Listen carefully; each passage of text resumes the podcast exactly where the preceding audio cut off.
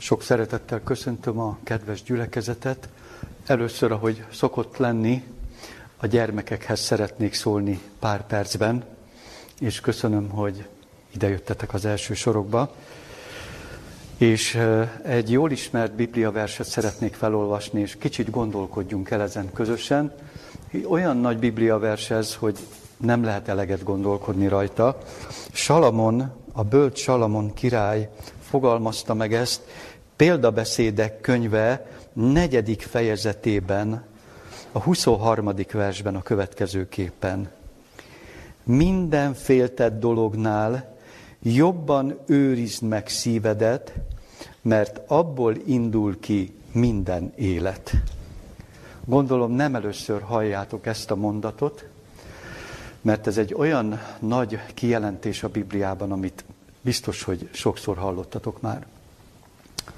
Minden féltett dolognál jobban őrizd meg a szívedet. De szeretnélek megkérdezni benneteket, hogy ti mit féltetek a legjobban, mit őr, őriztek legjobban, milyen féltett dolgokat őriztek otthon, az életetekben, magatoknál leginkább. Mi, mire figyeltek a legjobban, ö, mit őriztek legjobban minden nap, sőt mondhatni, hogy minden órában, ha tehetnétek, vele foglalkoznátok. Nem mondom tovább. Van ötletetek? Nekem van. Nekem is van egy kamasz fiam, már kicsit nagyobb, mint ti, meg volt két kamasz, van két nagy lányom, felnőtt lányom. Hát most, hogy kicsit megkönnyítsem a gondolkodásotokat, hogy mit őriznek ma a fiatalok, és még talán ti gyerekek is, nem tudom, hogy van-e nektek ilyen, minden féltett dolognál. Mit féltetek a legjobban? Ne? Még nem válaszolok. Mit féltetek a legjobban? Amit szívesen őriztek, és nem engednétek ki a kezetekből. Szüleiteket? De az nem dolog. Igen, én is gondoltam, hogy a szüleiteket szeretitek a legjobban, és őriznétek, vigyáznátok rá. De én most dologra, tájra gondolok. Hát sajnos, sajnos a kamasz fiamról most nem szép dolog, hogy ezt így világá kürtölöm, de nem lehet kivenni a kezéből a mobiltelefonját. Ugye, hogyha hazajön az iskolából, hazajön az iskolából, az az első, hogy a wifi-re felmegy otthon, és, és végnézi az üzeneteit, a képeket, a butaságokat. Nálatok nincs ilyen probléma? Nincs is mobiltelefonotok, ugye? Nagy, de jó. Nagyon dicséretes. De hát ez csak egy dolog, hogy valaki a mobiltelefonját őrzi, és ha elveszem tőle, akkor, akkor rosszul érzi magát, akkor feszült, feszült. Hát biztos vannak olyan játékaitok, amiket nagyon őriztek, nagyon vigyáztok rá. Babák, számítógép, nem? Fiúk, nem? Semmi számítógépet nem őrzitek? Hogy ahhoz hozzáférjetek? Biztos nem a tankönyveket őrzitek mindenféle dolognál jobban, hogy azt ki ne vegyék a kezetekből, mert annyira szerettek tanulni. Szóval vannak dolgok, amiket féltve őrzünk, játékaink, számítógép, telefon, ez a mai világ. Erről szerintem nyugodtan beszélhetünk, és nem szívderítő, de ez van. De a Biblia nem azt mondja, hogy ilyen dolgokat őrizzünk a legjobban, hanem azt mondja Bölcs Salamon, minden féltett dolognál jobban, azokat is lehet, hogy őrizni kell, és vigyáznunk kell a tárgyainkra, de minden féltett dolognál jobban őrizzük mit? A szívünket. Na most ez meg egy olyan elvon dolog, nem? Hát most hogyan őrizzük a szívünket? Hát mit csináljunk a szívünkkel, hogy, hogy azt vigyázzunk? Kicsit hangosabb? Megőrizzük a nem egészséges dolgokat. Nem egészséges ételektől? Hát olyasmi, nem a Lelki dolog, igen, káros lelki befolyásoktól. Ez is jó, csak egy kicsit olyan elvont, és nagyon szép, amit mondtál, de ha tovább olvassuk itt ezt a Biblia vers utáni két verset, akkor Salamon megkönnyíti a válaszunkat, hogy hogyan őrizhetjük meg leginkább, csak ilyen irányelvként fogalmazza meg, hogyan őrizhetjük meg leginkább a szívünket minden féltett dolognál, Azt mondja a 24. versben és a 25-ben, vesd el tőled a száj hamisságát, és az ajkak álnokságát távoztasd el magadtól. A te szemeid előre nézzenek, és szemöldökid, szemöldökeid egyenest magad elé irányuljanak. Két dolgot említ itt uh, Salamon, hogy két dologgal őrizhetjük leginkább a szívünket, és a belső világunkat, az érzelmi világunkat és a gondolatainkat, az, hogy vesd el tőled a száj hamisságát és az ajkakánokságát. Nem mindegy, hogy miről beszéltek, nem mindegy, hogy mennyi butaságot beszéltek. Bocsánat, ugye azt nem szoktatok, de csacskaságokat beszélünk, plegykálkodunk másokra, fölöslegesen beszélünk, ez mind-mind el, elveszítjük a szívünk őrzését ezzel. Ezzel a szívünk beszennyeződik.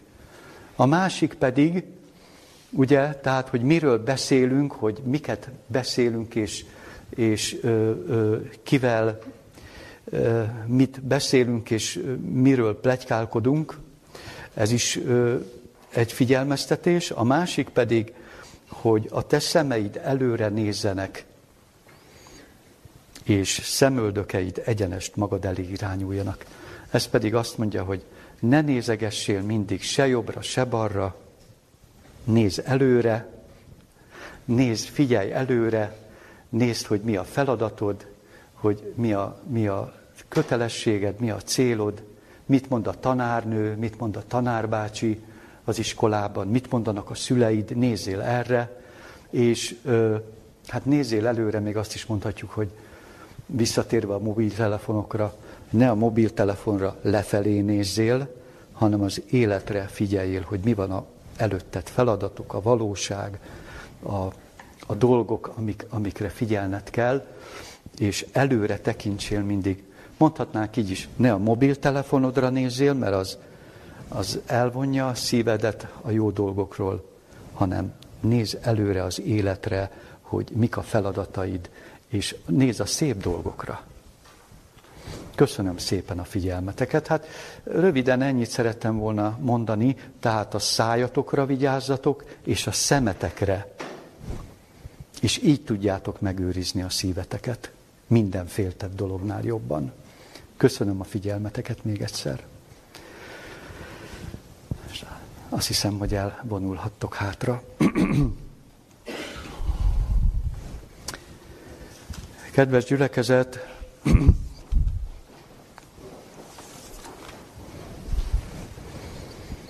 a mai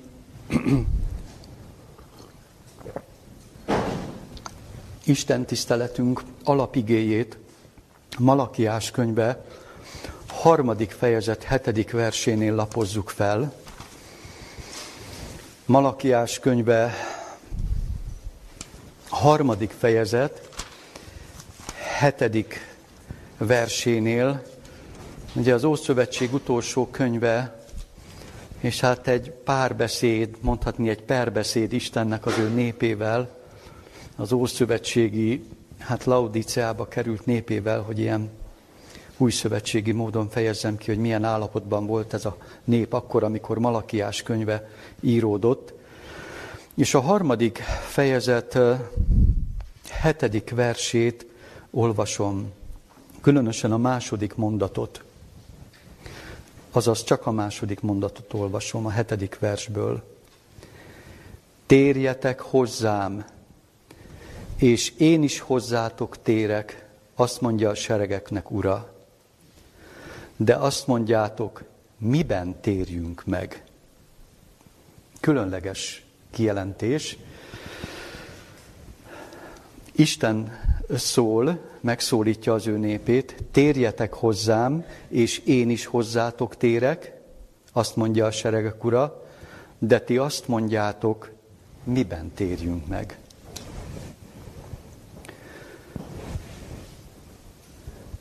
Ez a könyv ugye a kb. a negyedik, ötödik században íródott időszámításunk előtt, és hát különös, hogy ez a megtérésre való felhívás, vagy Istenhez való térésre való felhívás, ez elhangzik Jézus első fellépésekor mindjárt, már keresztelő Jánossal fél évvel Jézus fellépés előtt is elhangzanak ilyen kijelentések, hogy térjetek meg.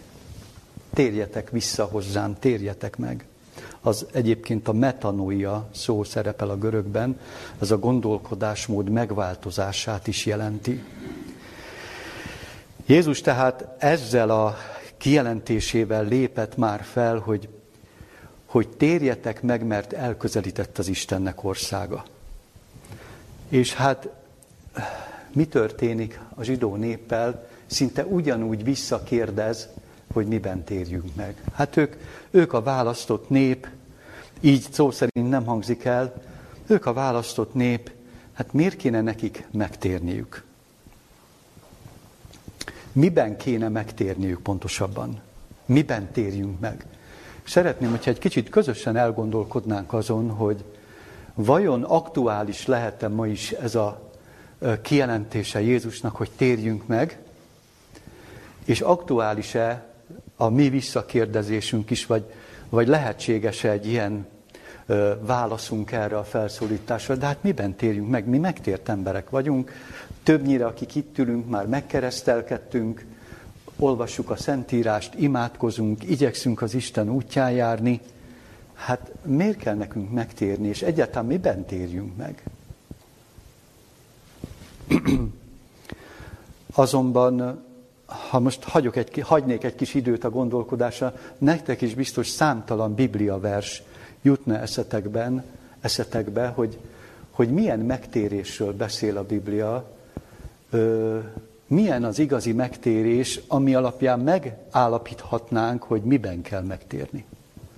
Például a keresztelő János így lépett fel, hogy térjetek meg, és teremjetek megtéréshez illő gyümölcsöket. Megtéréshez illő gyümölcsök. Fel tudnánk sorolni néhányat ezekből a gyümölcsökből? Teremje, ha megtértetek, akkor mutassátok meg a gyümölcseitekben, a Galata 5.22 szerint. Nézzétek meg az életetekben, ott a szeretet, ott az öröm, ott a békesség, ott a béketűrés, a szívesség, a jóság, a hűség, a szelítség, a mértékletesség.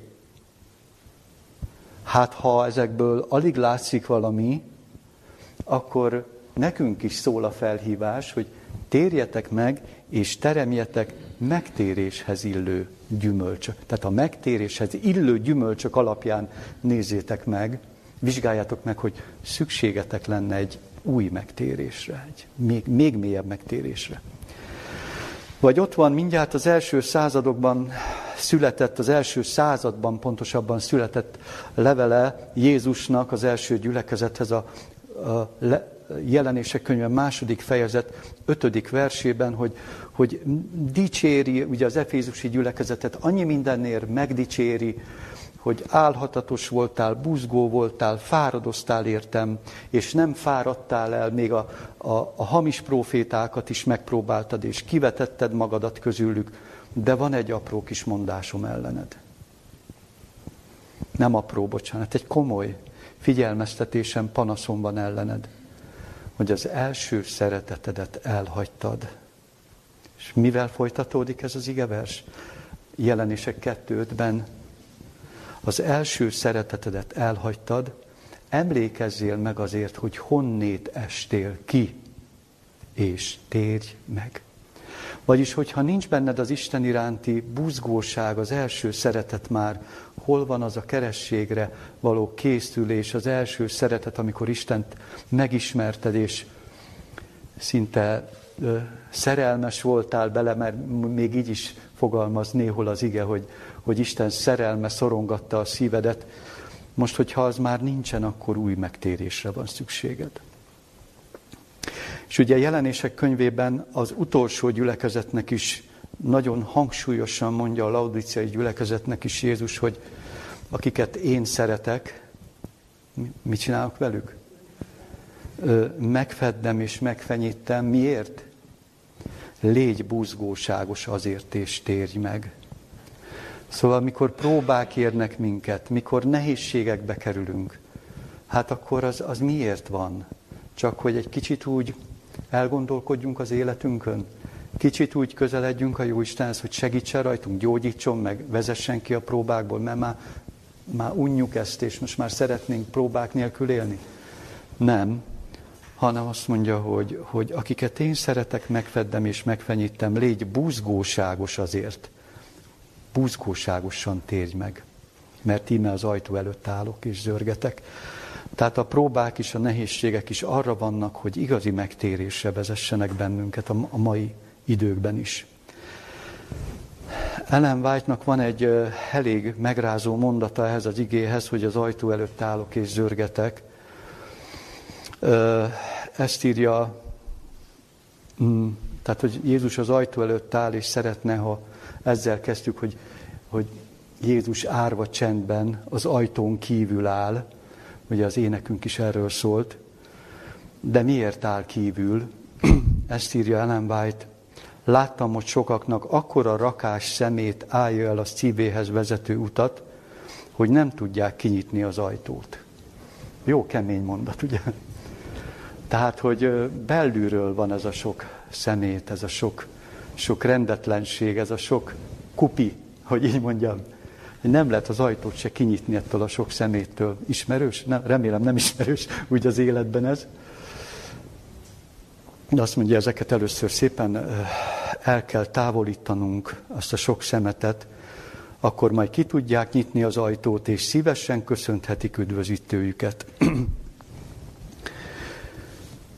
Kedves gyülekezet, különös módon nem csak jelenések könyve, hanem Jézus is sokat beszél a megtérésről három és fél éves szolgálata idején. Egy olyan népnek beszél a megtérésről, akik a választott nép volt, akik, akikkel sok jót tett az Isten, sok tapasztalatot adott nekik, sok nagy megbizatást adott nekik, és eljött közéjük, hogy felemelje őket. És mégis sokat beszél nekik arról, hogy meg kellene térnetek. Hát ezért jöttem.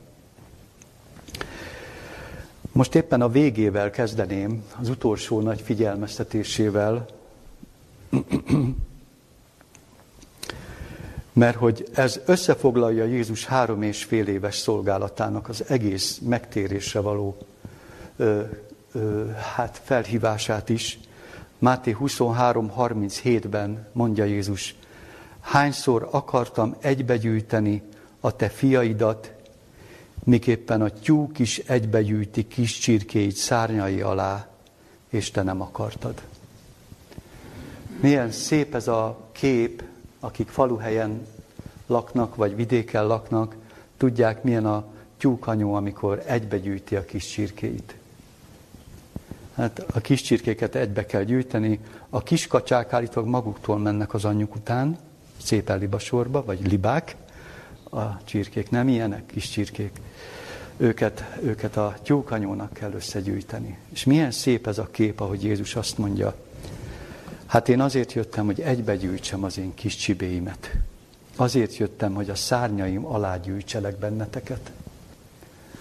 Szóval ne valami szigorú, kemény megtérésre szólításról beszéljünk, hanem Jézus küzdött, úgy küzdött a, az ő népéért, mint a tyúkanyú a kis csibéért, hogy szárnyai alá, oltalom alá ö, hívja őket, és egybegyűjtse őket.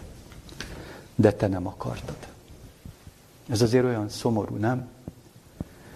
Most is mondhatnánk, hogy Jézus ö, olyan gyöngét szeretettel hív a megtérésre bennünket, és, és, és vágyakozik, hogy a szárnyai alá gyűjtsön minket, mint Jézus korában, a, farizeusok, vagyis a zsidó nép korában, az ószövetségi nép életében volt. De milyen szomorú lenne, hogyha rólunk is ezt kellene elmondania, hogy te, de te valahogy nem akartad ezt.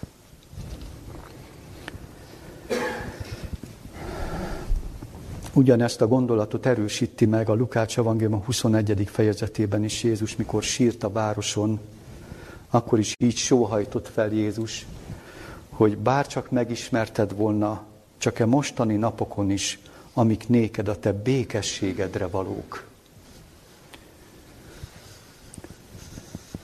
Azért, amikor a Jóisten a szárnyai alá akar bennünket gyűjteni, az, az a békességre való, az a, az a biztonságot adó,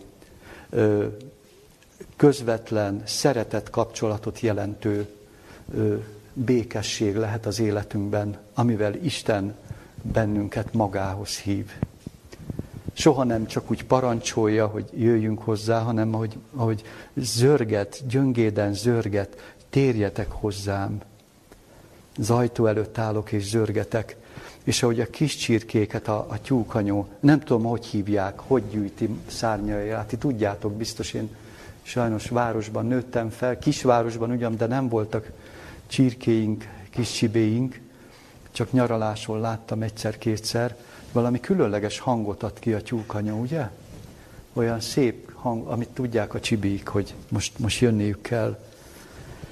És általában is szoktak is jönni erre a csibék. Hát fel tudtok-e idézni, fel tudtok-e idézni még megtérésre szólító, a megtérésről ö, ö, ö, mondatait Jézusnak? Hogy mit kíván Isten a leginkább az ember szívében, az életében? Ugye amikor ö, bement egy ö, farizeushoz, egy, bocsánat, egy vámszedélyhoz, és a paráznák körében ott elfogadta a vacsora meghívásukat, és ott leült velük, evett, ivott a részegesekkel és a vámszedőkkel, a farizeusok ott megbotránkoztak, hogy hát micsoda ember ez Jézus, hogy milyen emberek társaságát szereti.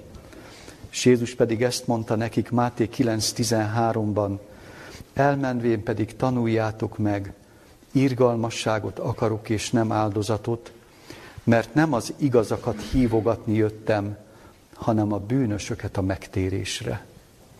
Ez is egy programbeszéde lehetett Jézusnak. Jézus azért, azért jött, hogy, hogy, hogy a bűnösöket hívogassa megtérésre. Az igazakat tudta, hogy nem lehet. Azok nem fognak. A bűnösöket, bocsánat, a bűnösöket hívogatta megtérésre. És mondhatjuk, hogy hát mi melyik csoportba tartozunk. Természetesen az igazak csoportjába, ugye? Nekünk már nem kell megtérni, mert, mert megtértek vagyunk, igazak vagyunk. Igaz? Igaz ez? Milyen szép ez a kifejezés is, hogy hívogatni jöttem. Hívogatni jöttem a megtérésre.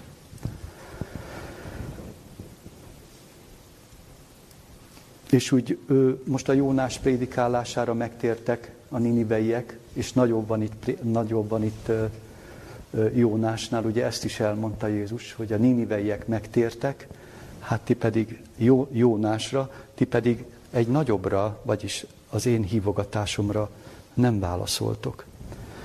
Még egyszer szeretném feltenni a kérdést, akkor nekünk most miben kellene megtérni?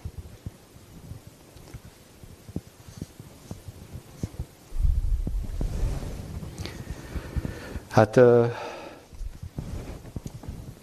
szeretnék egy tanítványnak mondott beszédéből idézni Jézusnak, azaz az összes tanítványnak, a tizenkét tanítványnak, itt már nem a farizeusoknak ö, beszélt Jézus, hogy az egész népnek, hogy meg kellene térniük, hanem a saját kis körén belül hívta őket is szintén a megtérésre, bár ők buzgók voltak, Jézust követték, de ők is megtéretlenek voltak, sajnos. Igazán mélyen megtéretlenek voltak. Máté Evangélium a 18. fejezet harmadik versében olvashatjuk ezt a történetet, hogy abban az órában mentek a tanítványok Jézushoz, mondván, vajon ki nagyobb a mennyeknek országában? És előhívott Jézus egy kisgyermeket, közéjük állította, és ezt mondotta, bizony-bizony mondom néktek, ha meg nem tértek, és olyanok nem lesztek, mint a kisgyermekek, semmiképpen nem mentek be a mennyeknek országába. Hát itt is van mit elgondolkodnunk, ugye? És még egy csomó igeverset most kihagytam, amikor Jézus a megtérésről beszél, de ez egy olyan fontos kijelentése volt Jézusnak a tanítványaihoz. Nem azt mondta, hogy ti aranyosak vagytok, örülök, hogy követtek engem, és nagyon szeretitek az igazságot, és, és hát jöttök velem a hajóra, meg, meg jártok velem, meg, meg taníthatlak benneteket, hanem észrevette Jézus, hogy elkezdtek azon gondolkodni ott egymás között, hogy vajon ki a nagyobb a mennyeknek országában. Ki egy kicsit nagyobb a másiknál? Kit, ki közülünk az, aki kicsit értékesebb, több, több a másiknál? Ki érezheti magát akár intellektuálisan, akár lelkileg is, akár milyen tekintetben többnek a másiknál? És pozíciókban is, rangban is, ki lenne méltóbb egy magasabb pozícióra, gondolkodtak a tanítványok maguk között. És csak úgy gondolkodtak. Lehet, hogy kicsit úgy el is ejtettek ilyen kijelentéseket, hogy hát tényleg ki lehetne itt közülünk a vezető, a főnök. Én, én, te? Hát inkább én, ugye?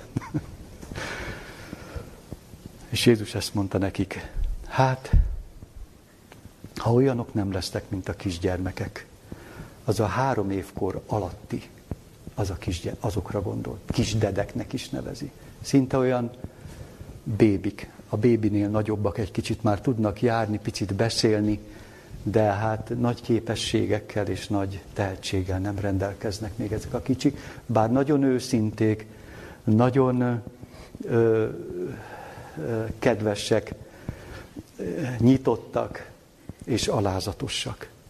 Csak ennyi. Kedvesek, nyitottak, alázatosak. És mondja, legyetek ilyenek, mint ezek a kis.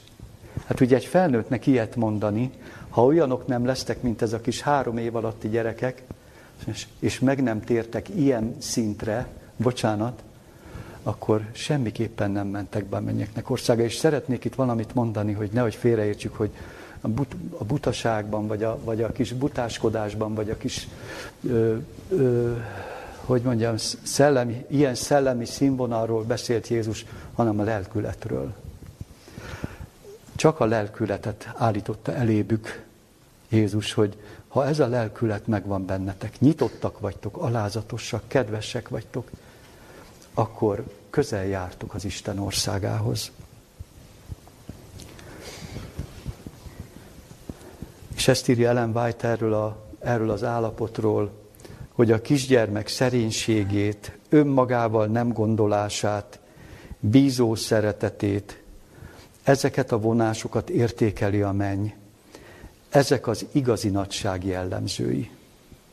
Kisgyermek szerénysége, önmagával nem gondolása, bízó szeretete. Egy tanítványnak különösen el kellett ezt ismételnie Jézusnak, mert annyira szerette Jézust, és annyira bízott ebben a szeretetében, és fürdött a saját szeretetében Péter, ugye, hogy ő mennyire szereti Jézust, és mennyire bízik benne, hogy még neki is szüksége volt egy mélyebb megtérésre.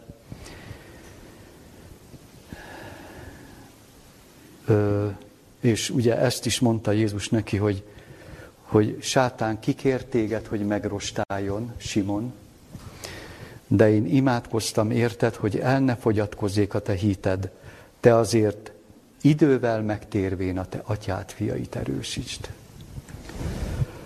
Hát azt hiszem, hogy ezeket így nagyjából ismertük, de még ezt a Péteri magatartást szeretném egy picit kiemelni, hogy, hogy itt, itt nem a megszentelődésről beszélt Jézus, hogy hát van egy kis magabízás benned, hogy a megszentelődés által ezt is el kéne hagynod.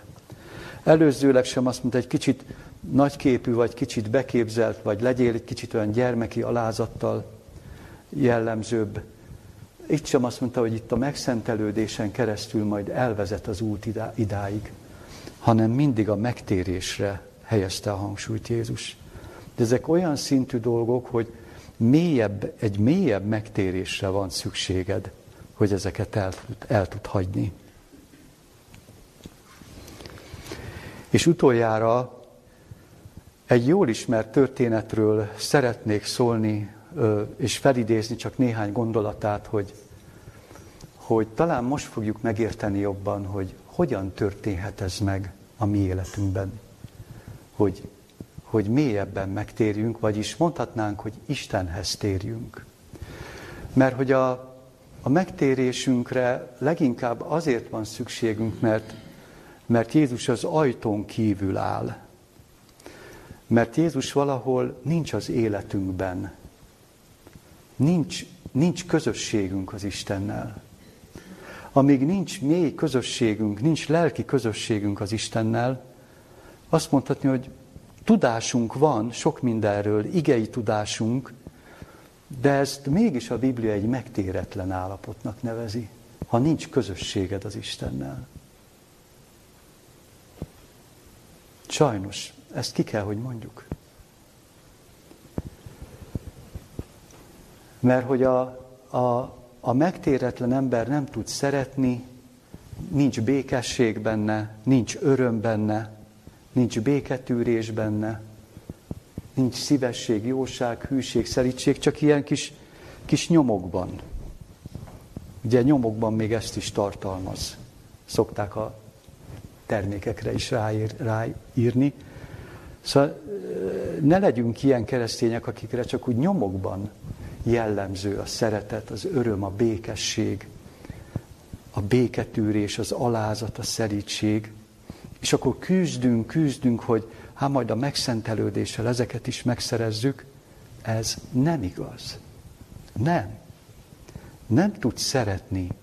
Nem lehet megtanulni szeretni megtéretlenül. Nem lehet szeretni megtéretlenül.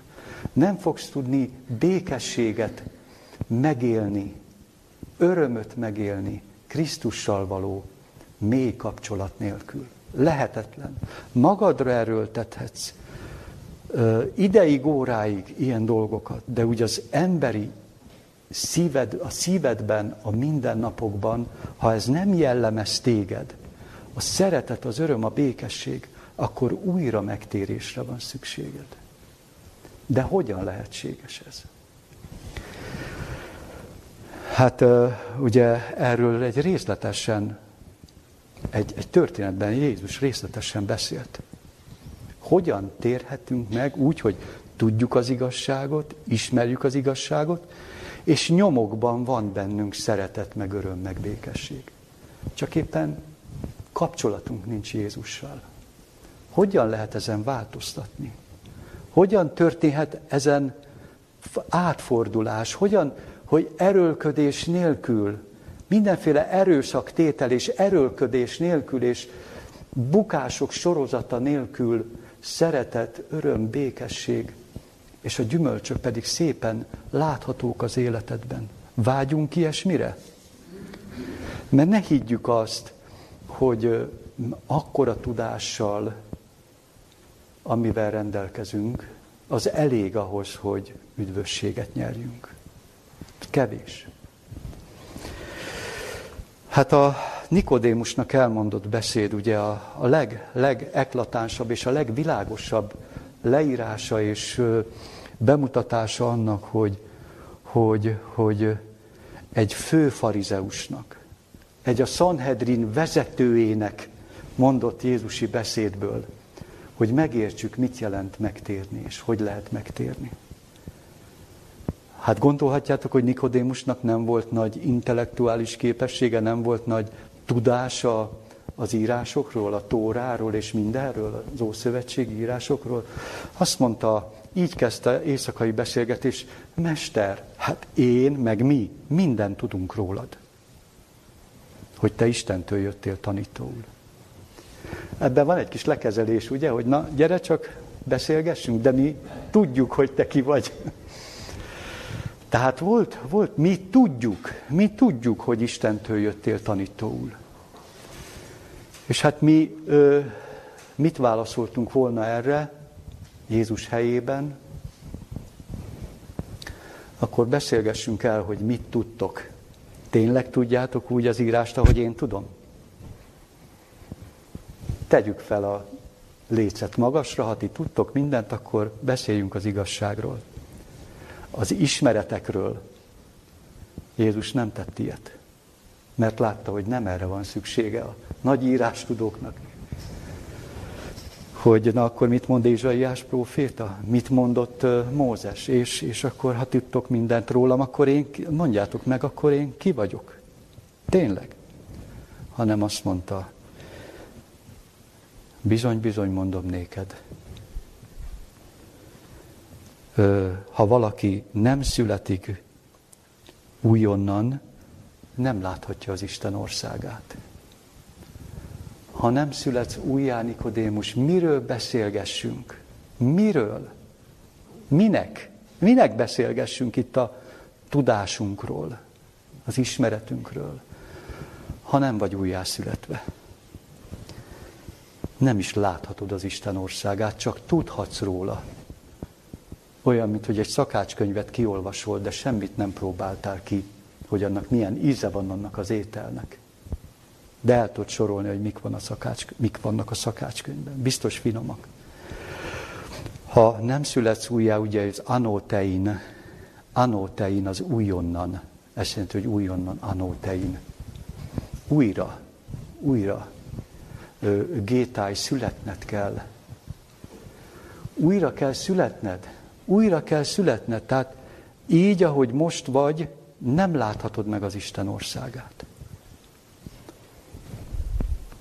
És mondta néki Nikodémus, de mi módon születhetik az ember, ha vén vajon bemehet-e az ő anyjának méhébe másodszor, és születhetik-e? Azt mondja, hát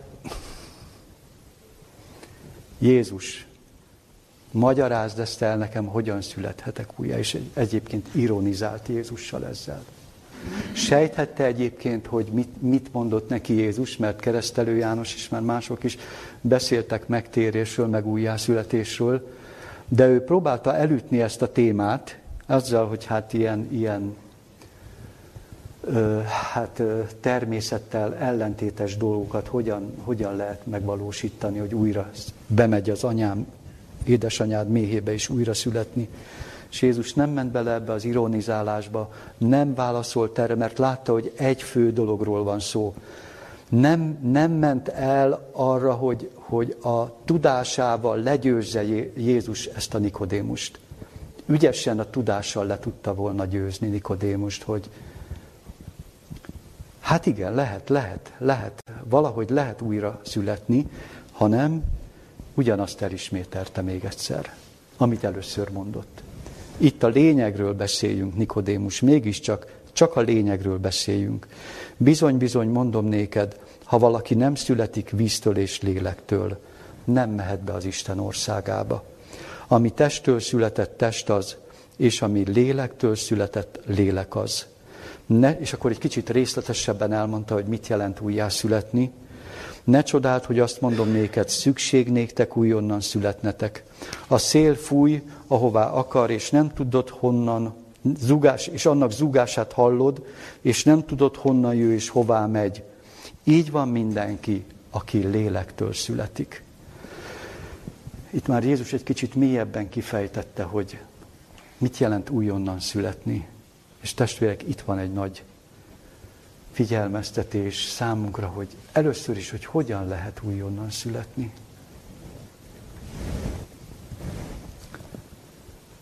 Mit kell nekünk ehhez tenni? Azt mondja, a szél fúj, ahová akar, annak zúgását hallod. Ez a lényeg. A szél, szél fújását kell hallgatnod, és mindenki hallja a szél zúgását. Most ugyan nem fúj a szél, de a legkisebb szél zúgást is, vagy kis szellőt is lehet hallani, ha másról nem a levelek zörgéséről, vagy, vagy, vagy, vagy, vagy bárhonnan lehet érezni.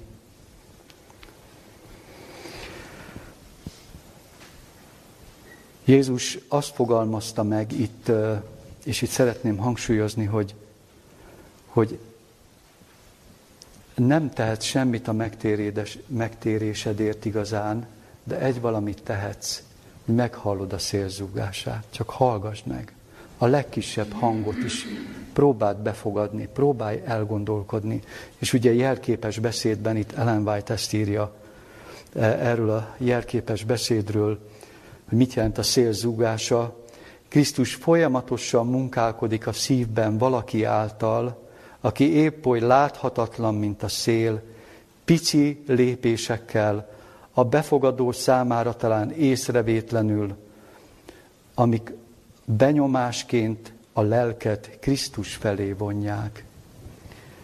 Kedves gyülekezet, ezt kellene hallgatnunk abban a világban, amiben nagy a zaj, kívülről is, belülről is, ahhoz, hogy Jézussal kapcsolatban lehessünk, és minden nap kapcsolatban lehessünk, és igazi megtérésre jussunk, pici lépésekkel, láthatatlanul, mint a szél, észrevétlenül munkálkodik Krisztus a szíveden.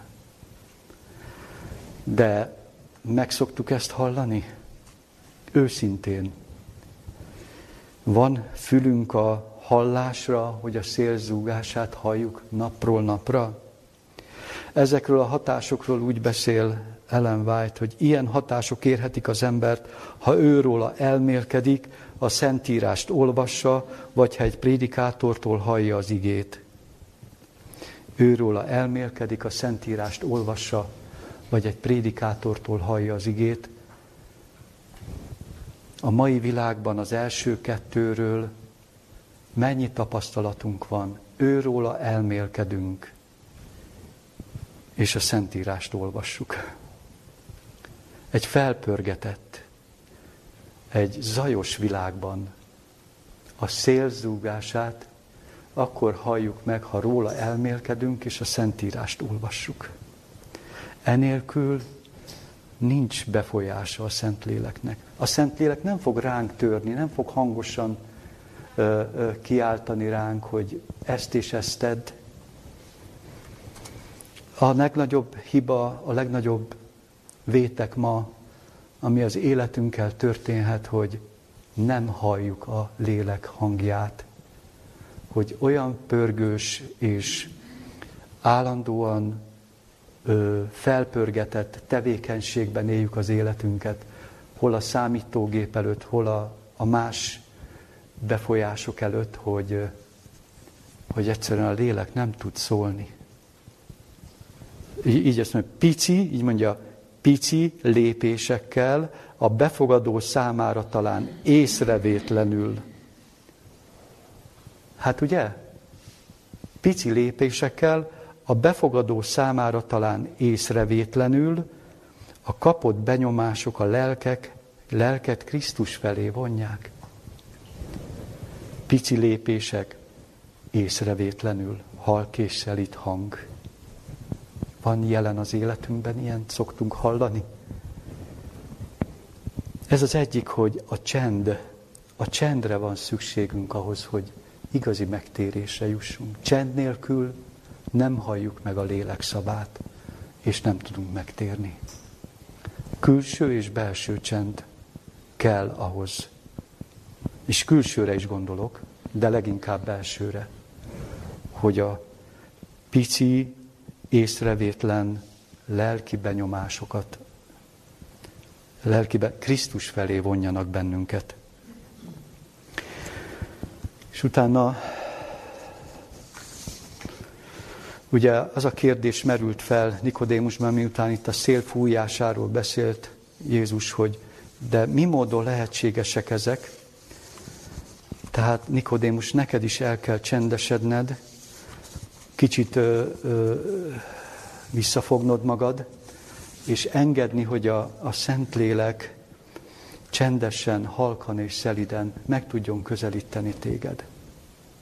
De utána folytatta Jézus, itt nem állt meg. Mi, erre a kérdésre, mikor megkérdezte, hogy de mi módon lehetségesek ezek, itt szeretném a másik fontos dolgot említeni, hogy Jézus így folytatta, amiképpen felemelte Mózes a kígyót a pusztában, aképpen kell az ember fiának is felemeltetnie. És mert úgy szerette Isten a világot, hogy az ő egyszülött fiát adta érte, hogyha valaki hisző benne, el ne vesszen, hanem örök élete legyen. Ezeket is ismertük jól. Vagyis mi kell ahhoz, hogy igazi megtérésre tudjon vezetni Isten bennünket, és hogy mivel kell ö, szembesülnünk, mit kell látnunk. Először érzékenyé kell válnunk a hallásunknak, és utána mire kell érzékenyé válnunk.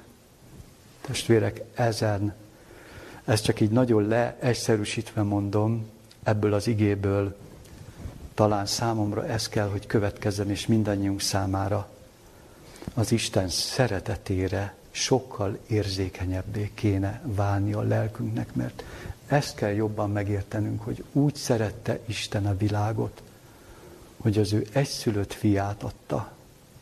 Érted? Kedves gyülekezet, hogyha az ember képes megtérni, ez csak egy módon lehetséges, az Isten jósága és szeretete tudja igazán Istenhez téríteni őt. Az Isten szeretete tudja szorongatni az embert. Az Isten szeretetének, szerelmének kell szorongatnia az embert, hogy oda tudja adni a szívét, és e- engedhessen ennek a befolyásnak, az isteni befolyásnak. Én is, én úgy gondolom, hogy megint csak ellen dolgozik a világ ennek a szeretetnek, és annak, hogy ezt a szeretetet be tudjuk fogadni. Mert a szeretetlenség, a durvaság, a kivagyiság, a büszkeség, a gonoszság őrülete vesz körül bennünket. Napról napról, percre, percre. És az Isten szeretetét alig látjuk ebből a szemétből, hogy így mondja, ebből a sötétségből kiviláglódni, vagy kifényleni, vagy felcsillani, felcsillanni. Pedig azt mondta, hogy úgy kell felemeltetni az ember fiának, ahogy Mózes a kígyót felemelte. Úgy kellene látnunk Krisztust a kereszten napról napra.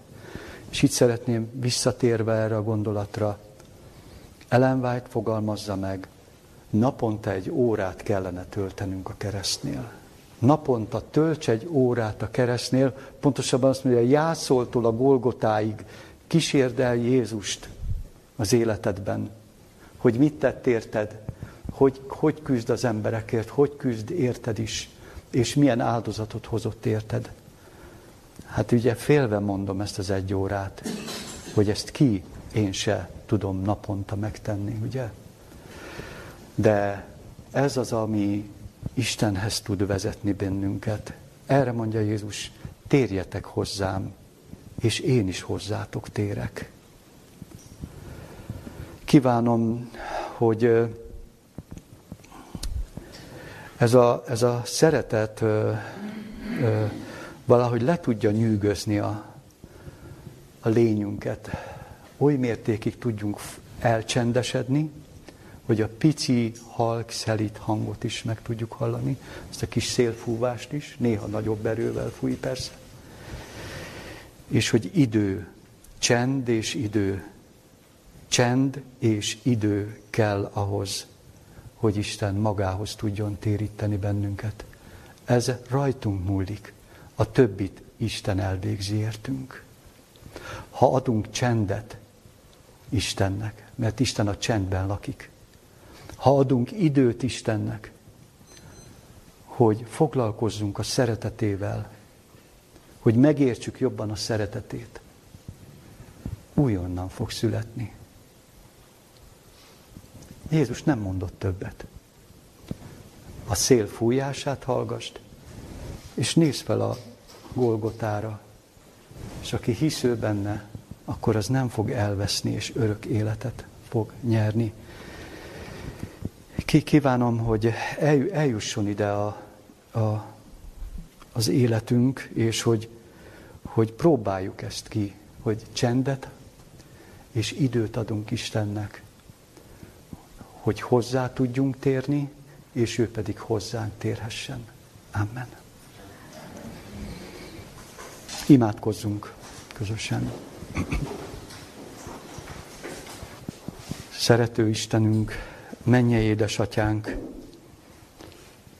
Jézus nevében szólítunk meg téged abban a világban, ami úgy kör, körbevesz bennünket, hogy zakatol a szívünkben, a gondolatainkban. Már sokszor az, hogy hogy kellene, mint kellene, mit kell csinálnunk, mit kell majd tennünk, hogyha kimegyünk ebből a teremből, ha hazamegyünk, és a sok feladat szorongat bennünket, és a sok információ, impulzus, ami bombáz bennünket naponta, és tereli el a figyelmünket a csendről, a nyugalomról, rólad. Köszönjük, hogy arra hívsz bennünket, hogy térjünk hozzád, hogy teljes szívünkből akarjunk megtérni, teljes szívünkből akarjunk keresni téged, és te is hozzánk, fog, hozzánk, hozzánk fogsz térni. Köszönjük Istenünk, hogy van még erre lehetőségünk. Köszönjük, hogy teljes közösséget, kapcsolatot szeretnél velünk ápolni. Köszönjük, hogy az életedet is feláldoztad azért, hogy örök életet adjál, de már itt a Földön is a szívünkben lakozhassál, és gyümölcsöket teremhessen az életünk. Kérjük, hogy segíts bennünket megtapasztalni, milyen az, amikor nem a saját gondolatainknál időzünk, amikor nem a saját dolgaink, a céljaink és a vágyaink töltik ki a gondolatainkat, hanem, hanem amikor Te szeretnél uralmat venni a szívünkön.